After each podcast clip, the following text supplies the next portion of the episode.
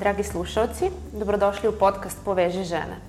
Ovaj podcast realizujemo u okviru projekta Poveži žene, podeli znanje, koji sprovodi Deli prostor za kreativno delovanje u partnerstvu sa udruženjem Poveži žene.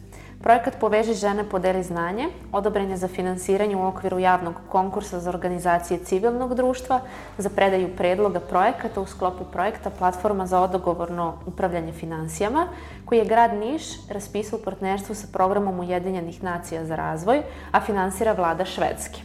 Ovaj podcast snimamo u Deli Coworking prostoru koje može biti idealno mesto za razvoj vaših ideja i biznisa.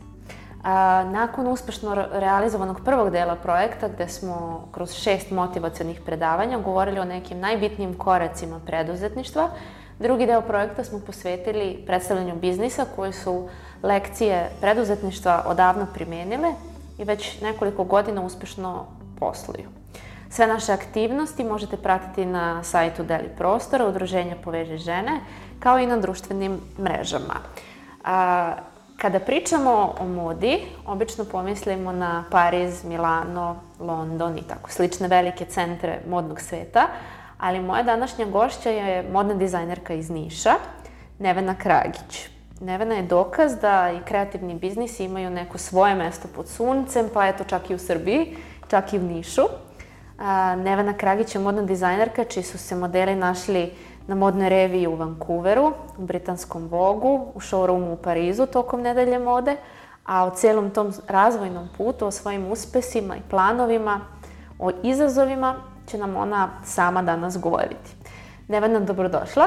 Hvala ti puno na odvojenom vremenu. Ta, nadam se da će cela tvoja priča biti inspiracija nekome ko je možda u nekom ovaj, izazovu trenutno ili u neodoumici da li nešto da pokrene.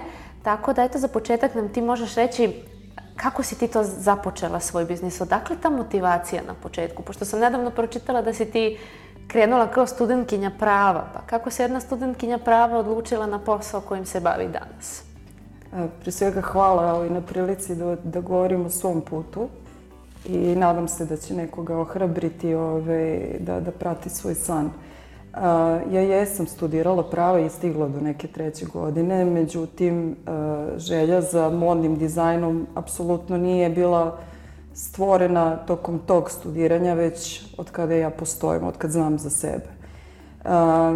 Hvala Bogu ove ili kome već, mami prvenstveno, što je sačuvala crtež i svoje sveske sa receptima gde je moj prvi, ove, da kažem, crtež gde se pokazalo moje ozbiljno interesovanje za to, iako se tada činilo kao hir. Jer svaka devojčica crtkara, princeze, balske haljine i slično. Ove, taj, ta želja za modnim dizajnom konkretno ove, je dugo tinjala u meni, ali a, naravno kao i svako drugi, ako ne i svako prvi, uvijek imate dilemu kada su u pitanju neke stvari koje nisu a, stabilan izbor, naročito u Srbiji. Ove, tako da je to stavljeno ove, po strani i otud ta, taj neki put da to budu prvo prava, jer sam negde volela između ostalog i pisanu ili ove, audio reč i međutim to definitivno nije bilo ono što sam očekivala i onda je morao da se desi taj presek i da upišem dizajn. Da. Kako, ovaj, kako su reagovali, kako je reagovala tvoja porodica i okolina kad si rekla da želiš da se baviš dizajnom? Jer kao što si rekla, to je jedna netradicion, jedan netradicionalni izbor zanimanja, da. pogotovo u Srbiji. E, oni su znali da, da, da je to, da to živi u meni, ovaj, na neki tada akutan način, odnosno da je to bio samo eto neki moj beg od uh, realnih uh, dešavanja u smislu da ja non stop crtam nešto, Ove, međutim, e, ja moram da naznačim i to, mi smo porodica s Kosova i to je bio period kada je moja generacija upisivala fakultet. Um, iskreno da budem, nisam smela da rizikujem da upišem ne modni dizajn, bilo šta kreativno, zato što je tada bila u pitanju ovaj, i egzistencija porodice. To su obično momenti koji koštaju. Ove, I tako da se nisam čak ni usudila da ih pitam da krenem ti putem, nego vrlo razumno izabrala neku mnogo stabilniju opciju. Ove, međutim, e, vremenom prosto su videli da se to odražava i na moje psihičko stanje, jer kada radite nešto što nije u, u vašoj prirodi, to se neminovno odrazi ovaj, i na taj mindset, odnosno to mentalno stanje. Ja, ja sam bila jako nesrećna. Ja vrlo otvoreno pričam i o tom momentu depresije, jer to kada radite nešto što nije u vašoj prirodi, može ozbiljno da se odrazi na, na, na vas. Tako da, e, moj prvi neki izlazak, odnosno ulazak u taj modni svet nije bio fakultet, nego sam ja radila, javila se na oglas, pa radila prvo za jednu dečju konfekciju, pa sam radila kao asistent e, modnog dizajnera firme Vogeli. I ovaj, onda su oni videli apsolutno da, da ja tu cvetam, da, da, da se tu dešava jedna zdrava promena. I onda sam u jednom momentu smogla snage i hrabrosti e, u vrlo nezahvalnoj situaciji kada je naša egzistencija i dalje negde tu bila pod znakom pitanja, da, da im otvoreno iskreno kažem da ja više ne mogu uh, ono na pravnom fakultetu da budem ne student, ni, ni brojčano stanje, ovaj, da, da meni ja uopšte nije dobro. Na moju veliku sreću, apsolutno su razumeli i onda me podržali da upišem dizajn i od tog momenta zaista mogu da kažem da su moje uporište, moja snaga, moja ogrom, ogromna podrška, pa između ostalog i kroz dalje razvojni put kad, gde biznis sam po sebi ovaj, nosi izazove, bez njih apsolutno ne bi ni bio ovaj razgovor. ne bi se desio. Pa svakako, verujem da dosta uspešnih ljudi će danas porodicu i taj neki najbliži krug ljudi navesti kao zaista jako bitan ovaj faktor za, za lični napredak, ali i za napredak kasnije biznisa. A, kada si već otkrila svoju strast i ono čime želiš da se baviš. Šta je bio neki naredni korak? Čime si nakon toga krenula da se baviš, nakon fakulteta? Kako je izgledao taj, eto sad, period na fakultetu? Da li si pokrenula neke dodatne aktivnosti? Kako je kasnije izgledao taj put? A, kada je neko u, u, na terenu umetnosti, ja, ja apsolutno mislim da niko, niko od nas umetnika, da kažem, ne može biti izolovan i baviti se samo jednom stvari. Meni je bilo koji izraz ovaj, umetnički apsolutno blizak. Ja sam se prvo bavila profesionalnom fotografijom, e, malo režijom i onda kada sam već e, studirala kada sam već studirala modni dizajn, smatrala sam zašto tome da ne dam šansu, jer po svojoj logici sam, sam tada već najkompetentnija na, na tom terenu. E, tokom završne godine fakulteta, ovaj, koji je jedan od najlepših mojih perioda ovaj, što se tiče razvoja modnog dizajna u meni, ovaj, pokrenule smo nas nekoliko uh, udruženje Fashion Corner. E, tu je onda već bilo, ok, dati identitet uh, brendu Nevena Kragić. Nešto nisam bila mnogo kreativna sa izborom imena brenda, ostalo je moje ime i prezime, tako se zove ali tu sam videla uh, zapravo šta znači stvoriti brand. Uh, to je nešto što sada postoji mnogo opcija da se stekne zdanje od drugih, tada nije bilo toga i onda sam ja sve to radila intuitivno. To su bile te neke, nazovemo, mislim tako se i kaže, ove kapsule kolekcije koje su male, ta izloženost biti pod lupom tržišta. Galopirajuće počelo se dešava to da interesovanje za brend, ali mislim da je do, dosta tome doprinalo i to što se sve to dešava u Nišu. Jer u Nišu ništa pre tog našeg udruženja nije bilo ničega sličnog.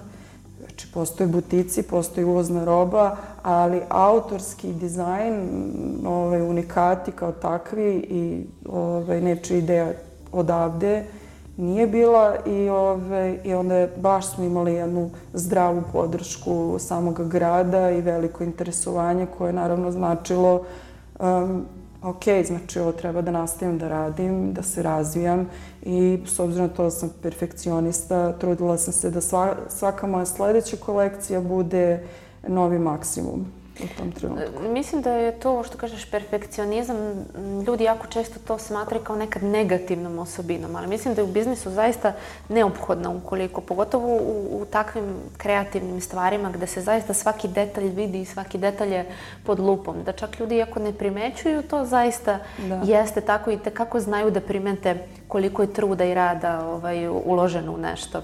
A šta smatraš neophodnim za, za svoj uspeh i za održivost tvog brenda? psihoterapeut. I šalim se i ne da, šalim da, se. Da. Ove, ja, ja, e, nikad neću zaboravim ove, kada sam držala predavanje u Petnici ove, na Design Seminar centru, o, u Design Seminar, seminar centru, ove, Uh, uh, upravo sam to deci i rekla, vama je neophodan psihoterapeut i onda se na, na slajdu pojavio moj pas. Ove, da je to moj psihoterapeut i apsolutno stojim iza toga da, je, da su meni ovi moji psi najveći terapeuti. E, šalu na stranu. E, naravno da postoji, da, da je neophodan taj neki između ostalog i biznis plan. Ja nisam išla tim putem. E, ja sam dosta radila intuitivno, e, osluškivala šta tržište traži, ali sam nekako uvek, to je toliko bilo jače od, od, od mene, od bilo koje potrebe tržišta, ne forsirala, zapravo radila ono što je u mojoj glavi, ono što je meni inspiracija. O, ja, kada me pita, kada kaže, kažemo modni dizajn, on se danas percepira dosta površno. Mo, nažalost, moram tako da, da to kažem, jer to je vizuelna stvar i posredstvom e, digitalnih medija svi vide samo završno, za, ovaj, završni rezultat, završnu fotogra, fotografiju. Ja to vidim i po studentima kojima sam mentor. E, ne, ne znaju proces iza toga, kako to nastaje. E, moj primer nije da ja samo stvaram neku estetiku, nego ja vidim, imam celu filozofiju oko toga. Između ostalog, ja ne prodajem odevni komad, ja prodajem ličnu, vrlo intimnu emociju.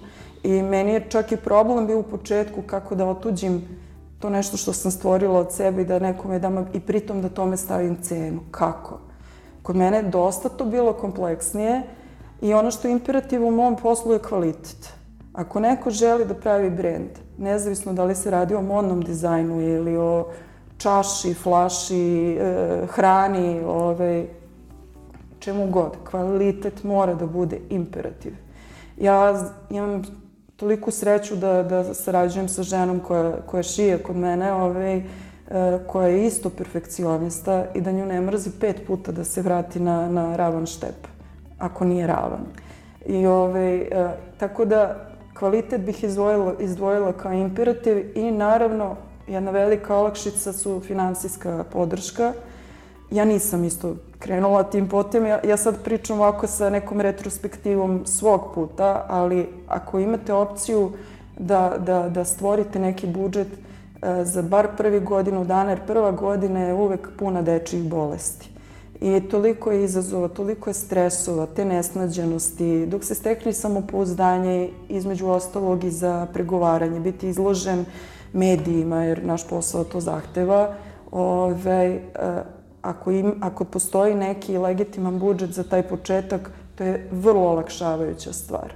Jer neminovno je da se sretnemo sa nekim e, finansijskim gubicima u početku, baš zbog tog neiskustva, ako se prvi put ovaj, upuštamo u neki start-up biznis, da kažem. Jasno, pa u današnje vreme rekla bih i da većina ljudi koji razmišljaju o preduzetništvu upravo ih sputava ta činjenica financija i to kao kako će se snaći, odakle će uzeti te financije za početak i to. Tako da, ali dobra stvar danas je što puno materijala za edukaciju postoji, da. što možda nije bilo pre 10 ili 15 godina. Mislim da danas internet zaista, možda je klišejasto, mislim svi pričaju o tome, ali je zaista jedna ogromna riznica znanja gde puno edukacije postoji na, na različite teme. I, I ono što zaista svi uspešni ljudi danas izdvajaju kao bitno je upravo ta edukacija. Rad na sebi u svakom pogledu i emotivnom i psihičkom, ali da. i profesionalnom. I onda ta jedna slika uh, stabilnog čoveka zaista može da, da, da dosta ovaj, utiče i na sam kvalitet biznisa i na to i na te neke prepreke koje kasnije dođu se mnogo se lakše prevazilaze kada imamo tu neku stabilniju ovaj, sliku. A koje je tvoje viđanje tržišta u Srbiji? Koliko je ono plodno za modni dizajn? Pošto smo na početku spomenuli to da Ima izazova kada je u pitanju modni dizajn, pogotovo u Srbiji. U Srbiji se pod modnim dizajnom podrazumeva, ne znam, Chanel i Louis Vuitton i slično. A koliko je to plodno tržište ovde kod nas? E, postoje apsolutno podela što se tiče e, viđenja tržišta. Vi možete lako videti ove na ulici, ajde pričat ću o ženama konkretno, ove koje vole brendirane stvari koje, i činjenica je da smo bombardovani brendovima iz inostranstva i upravo ti brendovi koje si pomenula. Ove, međutim, postoji i ona grupa ljudi koja želi e, da ulaže u domaće tržište. Postoje osvešćeni ljudi u kontekstu e, i, i, i ekonomije zemlje i koliko je podržati mlade preduzetnike, pa eto i, i modne dizajnere. E, moja estetika kojom sam ja krenula, moj dizajn apsolutno ne zahvata većinsko interesovanje tržišta, jer nije baš najkomercijalnije, ali zato treba raditi na toj, tom identitetu. Kako prezentovati to, kako naći toliko autentičan na način da kada se vaš rad vidi da tačno znaju ko je. To je ono što sam ja radila. Pritom, obraćanje e, kupcu i biti pristupačan, dosledan tome je isto jako bitan faktor. Ja i dan danas mogu dobiti 30 poruka dnevno, ja ću na svaku da odgovorim. Pardon. Nije korona. Ne. E, dešava se da, da e, išla sam i sa humorom, što je već zalaženje u taj marketinški deo.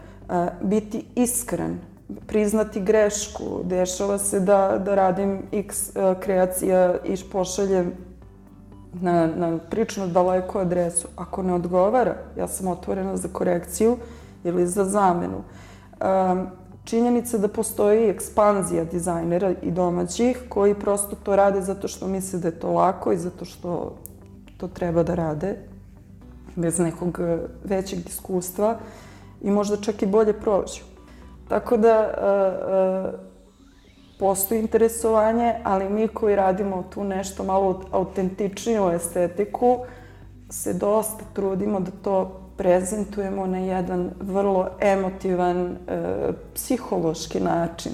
E, ja pratim radove svojih kolega sa kojima sam u divnim ovaj odnosima, koji su iz Beograda ili drugih gradova.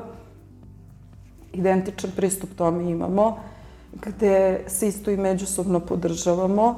E, ne postoji taj ego moment koji je tipičan za, za naš posao ne, i neophodna je ta podrška međusobna ove, da bi se negde izborili za to mesto na, na tržištu.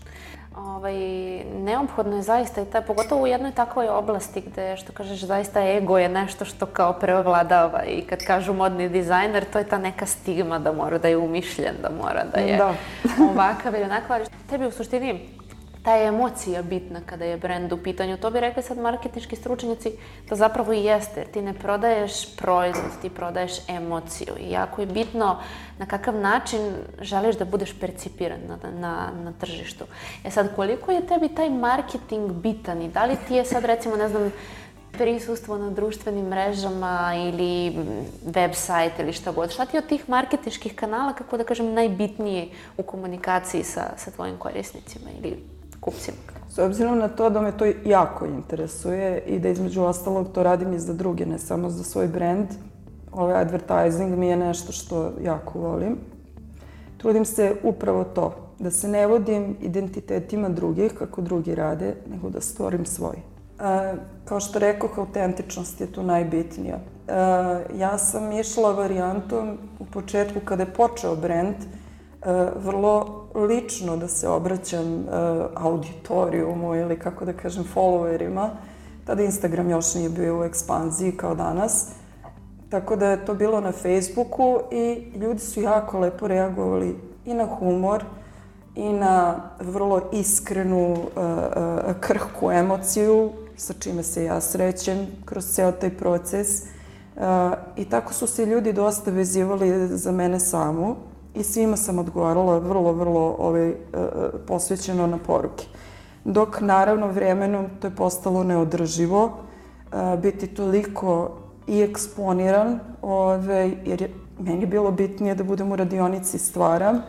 Ove, naravno nisam mogla naći neku legitimnu zamenu da, da razmišlja kako bih ja. Ove, tako da sada se svodi na taj vizualni deo i te video kampanje, znači stvarati hype oko prezentacije. E, morate i za saradnike kada birate da, da nalazite ljude koji su pouzdani za saradnju. Pričam u mom kontekstu sad o dobavljačima materijala, repromaterijala. Hvala Bogu i tu je komunikacija bila vrlo uspešna, da su vrlo predusretljivi.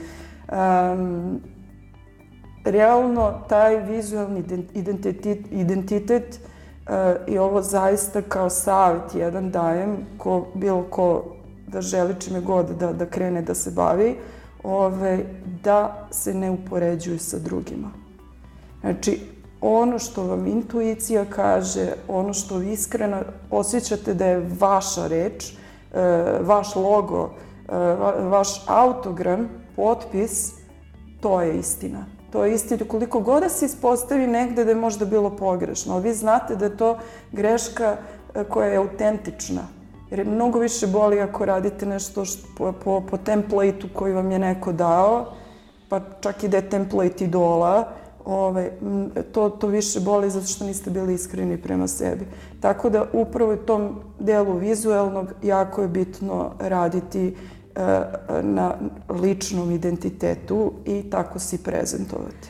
Jasno, pa e, pokretanje sobstvenog biznisa i treba da dođe iz te želje i ljubavi, iz tog nekog praćenja sobstvenih snova i vizije kako nešto treba da izgleda. Tako da to što si rekla da pratiti tu sobstvenu emociju i, i, i taj osjećaj neki jeste, ja mislim, u suštini tog sobstvenog biznisa. Jer pokretati nešto samo da bi pokrenula, mislim da je onda bolje raditi u firmi, jel?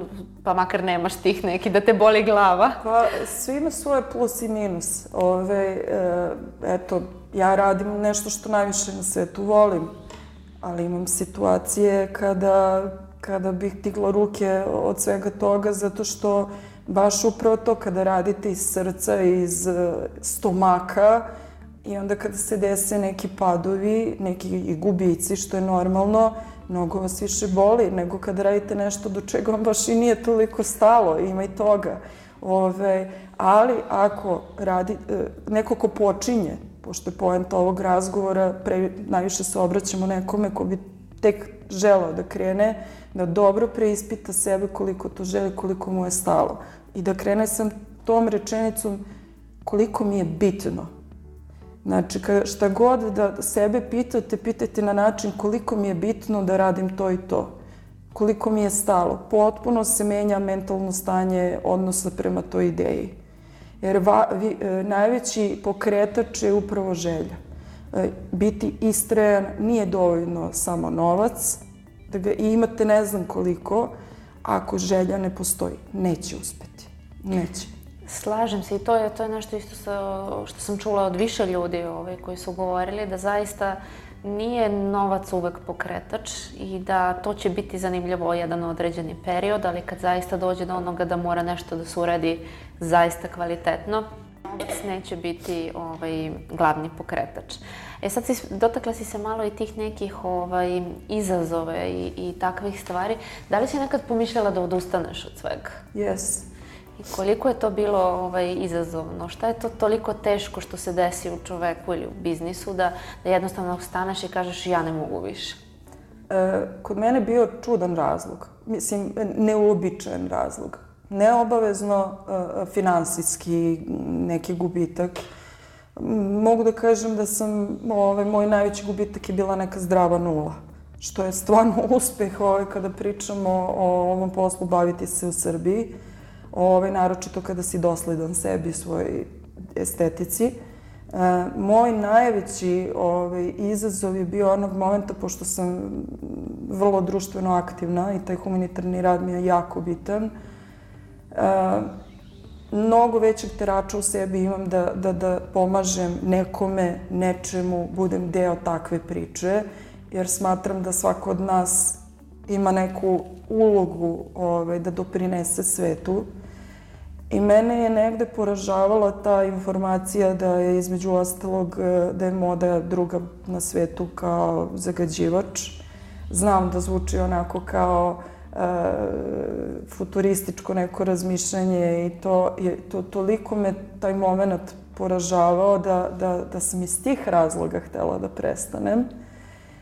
I želela sam prosto da se bavim humanitarnim radom što inače i radim, međutim sam shvatila da ne mogu da spašavam druge ako ja ne plivam dobro. Ne, ove, I onda sam tu našla neki balans, između ostalog pokrećem brend koji, e, koji još, je još uvek u razvojnom procesu, ali će značiti ako ništa drugo, manju štetu ove planeti Zemlji, bit će potpuno eco-friendly i ove, mnogo prijemčiviji za tržište. Malo pravim pauzu od ove abstraktne avangardne mode, jer jel te zbog dobre poznate opšte situacije, sad je to e, zaista skup ovaj, posao. A, tako da e, nalazim, neg, tu sam negde našla balans u tom najvećem izazovu. Jer smo imali situacije gde za, za prikupljanje sredstava za deči kamp bez roditelja, a, između ostalog akcije za štitilice sa džedijskim pokretom, ove, gde smo uradili 15.000 maski. A, nikada se življe nisam osjećala ne, nego u tim epizodama i ja znam da je moj put u perspektivi taj domen, ne obavezno moda. Ali moda kao moda, ja je zovem ovaj, to smo u neformalnom razgovoru već pomenula, ali ja kažem ne pravim komad odeće, nego pravim indirektan za, zagrljaj. Kako na najbrži način da zagrlim više ljudi. Jer mi je emocija ključna reč u stvaranju bilo čega. To, to je zapravo to taj neki motiv koji se kroz ceo tvoj brend ovaj, provlači i to je zaista jedna, kažem, jako lepa stvar zato što zaista svako ko nešto obuče ima neku emociju ka tome, pogotovo ukoliko su tu u pitanju komadi koji su baš za neku specijalnu priliku poput venčanja i slično. Da. Je sada, um, koliko je važno razumeti potrebe klijenta pre nego što uopšte kreneš u taj neki kreativni proces stvaranja? E, s obzirom na to da ja ne radim samo svoje autorske kolekcije, ja radim i sa klijentima jedan na jedan. I to je zaista psihologija. Čista psihologija, modna psihologija ili opšta psiho, psihologija. Ovaj, naučiti da e, čitaš klijenta, odnosno prepoznaš njegovu želju.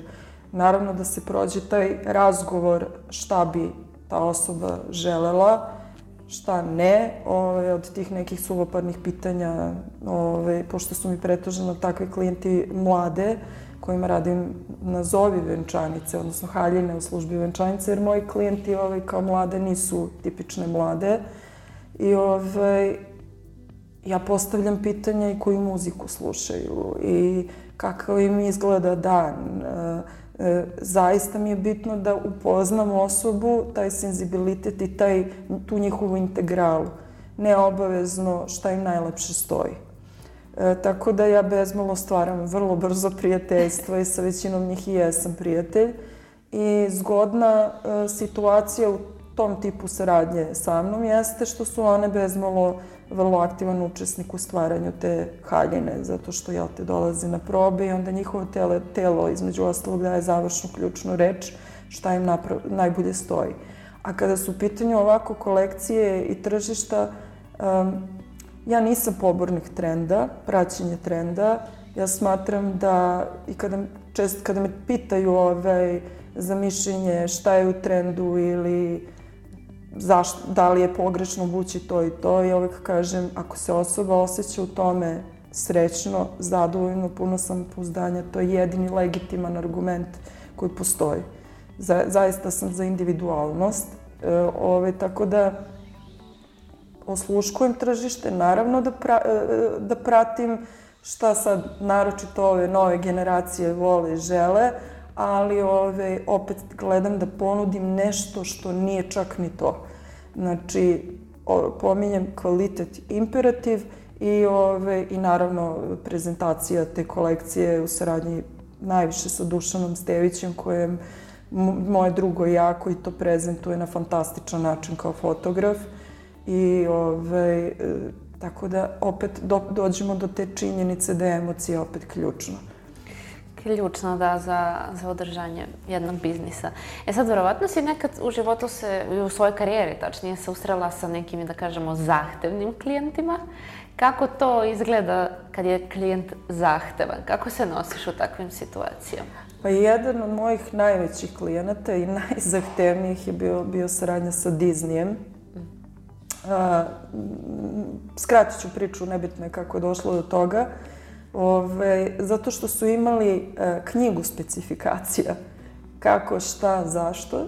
Ove, a, da, da, da dobili smo pritom a, za tu globalnu kampanju. Oni su napravili saradnju sa londonskim brendom i Regular Choice, a, tiče se obuće, a, sa svojim a, primerima inspirisani filmom Alisa u zemlji čuda i, ove, i samim tim se tu obuću je trebala, jel te, garderoba da prati priču.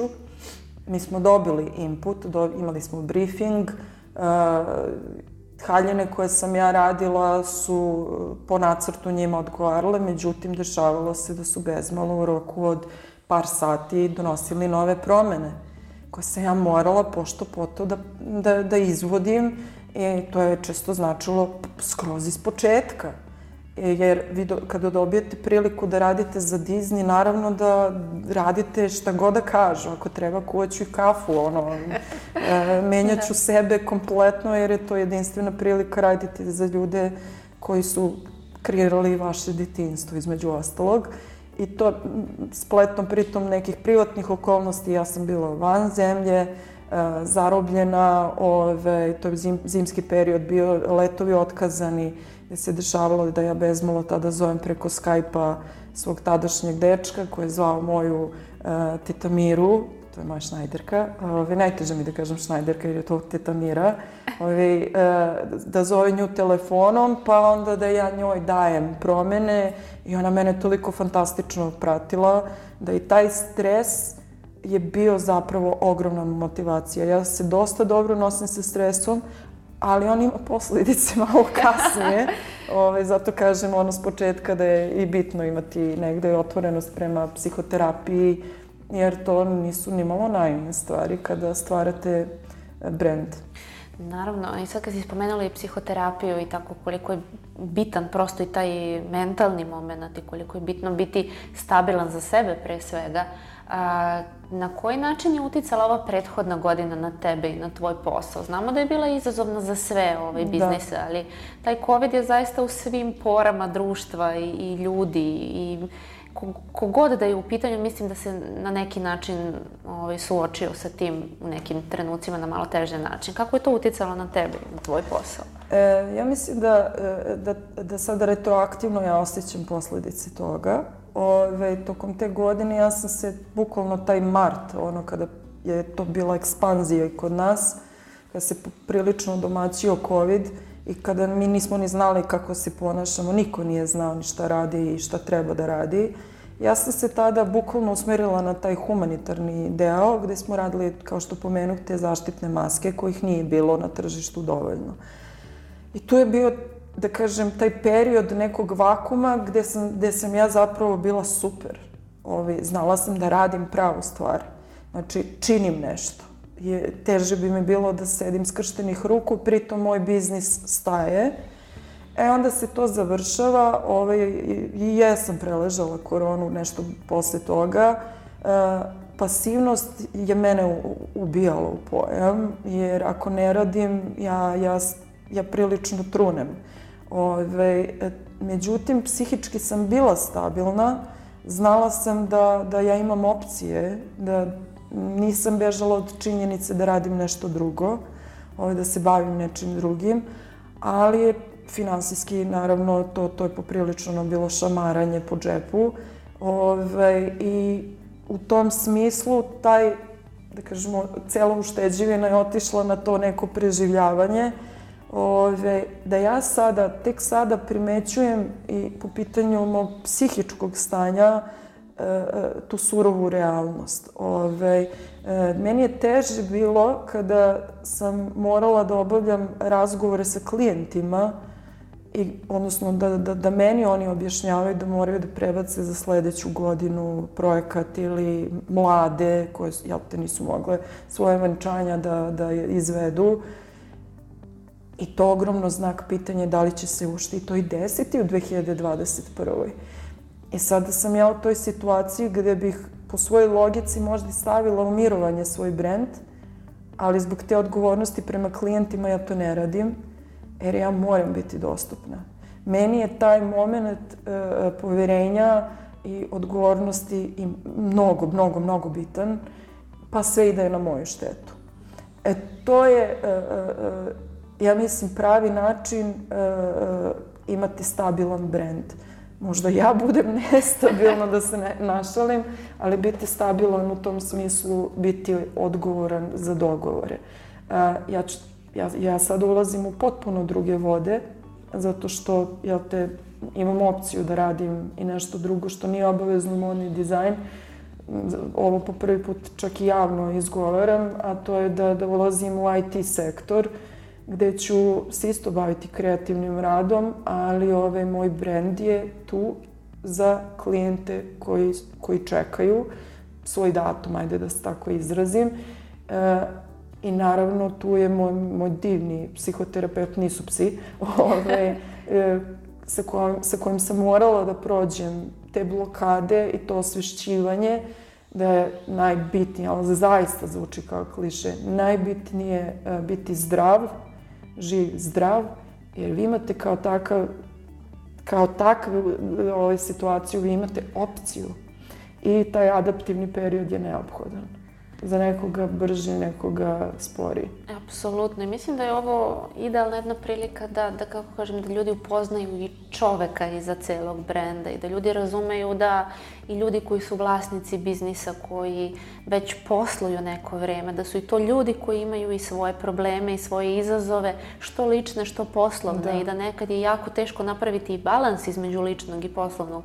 Pogotovo kad je u pitanju kreativni biznis koji je jedno i mislim da se ne može mnogo odvojiti privatno, poslovno i to.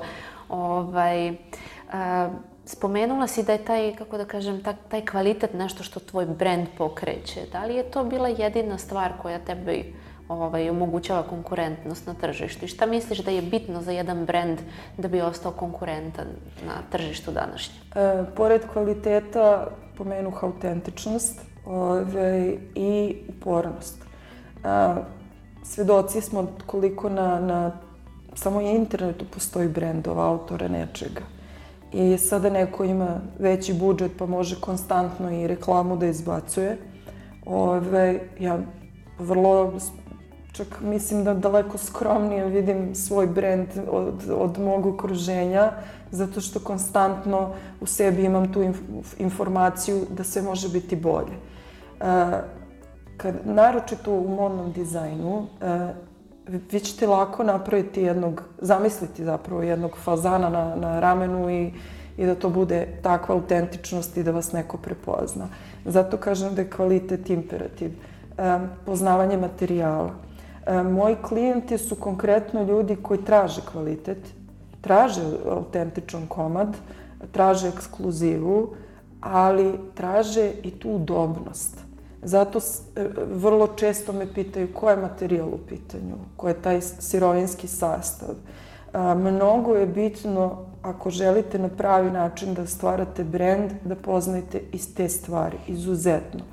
Pa do, do takvih, možda za nekoga potpuno banalnih informacija, a, kako materijali komuniciraju jedan sa drugim, naročito kada pravite neke slo, e, slojevite komade da se ne stvara elektrostatika, na primjer, da ne pucketa suknja kada koračamo, da se ne lepi za čarape. Mislim, to zvuči sad ovako smešno, ali ja i o tome razmišljam. E, imamo jel, te osobe koje ono, prosto živi, živ, živi smo, ovaj, znojimo se, na primjer. E, razmišljamo koji materijali su koji to baš neće ovaj, pokazati na, na, na videlo.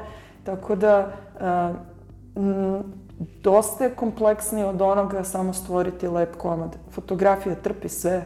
Koliko puta smo svedoci toga da naručimo nešto online, a stigne nam nešto drugo. Znači, mnogo je bitno da ono što prikazujete na, kaž, da kažemo na mrežama ili na svom sajtu, da bude baš tako i uživo. I zato kažem kvalitet. Ove, može mene x njih negirati jer je činjenica da fantastično i manje kvalitetne stvari prolaze jako dobro, ali to je do kupca. Svaka roba ima svog kupca. Postoji to, ta izreka, ove, za svakog kupca postoji nešto.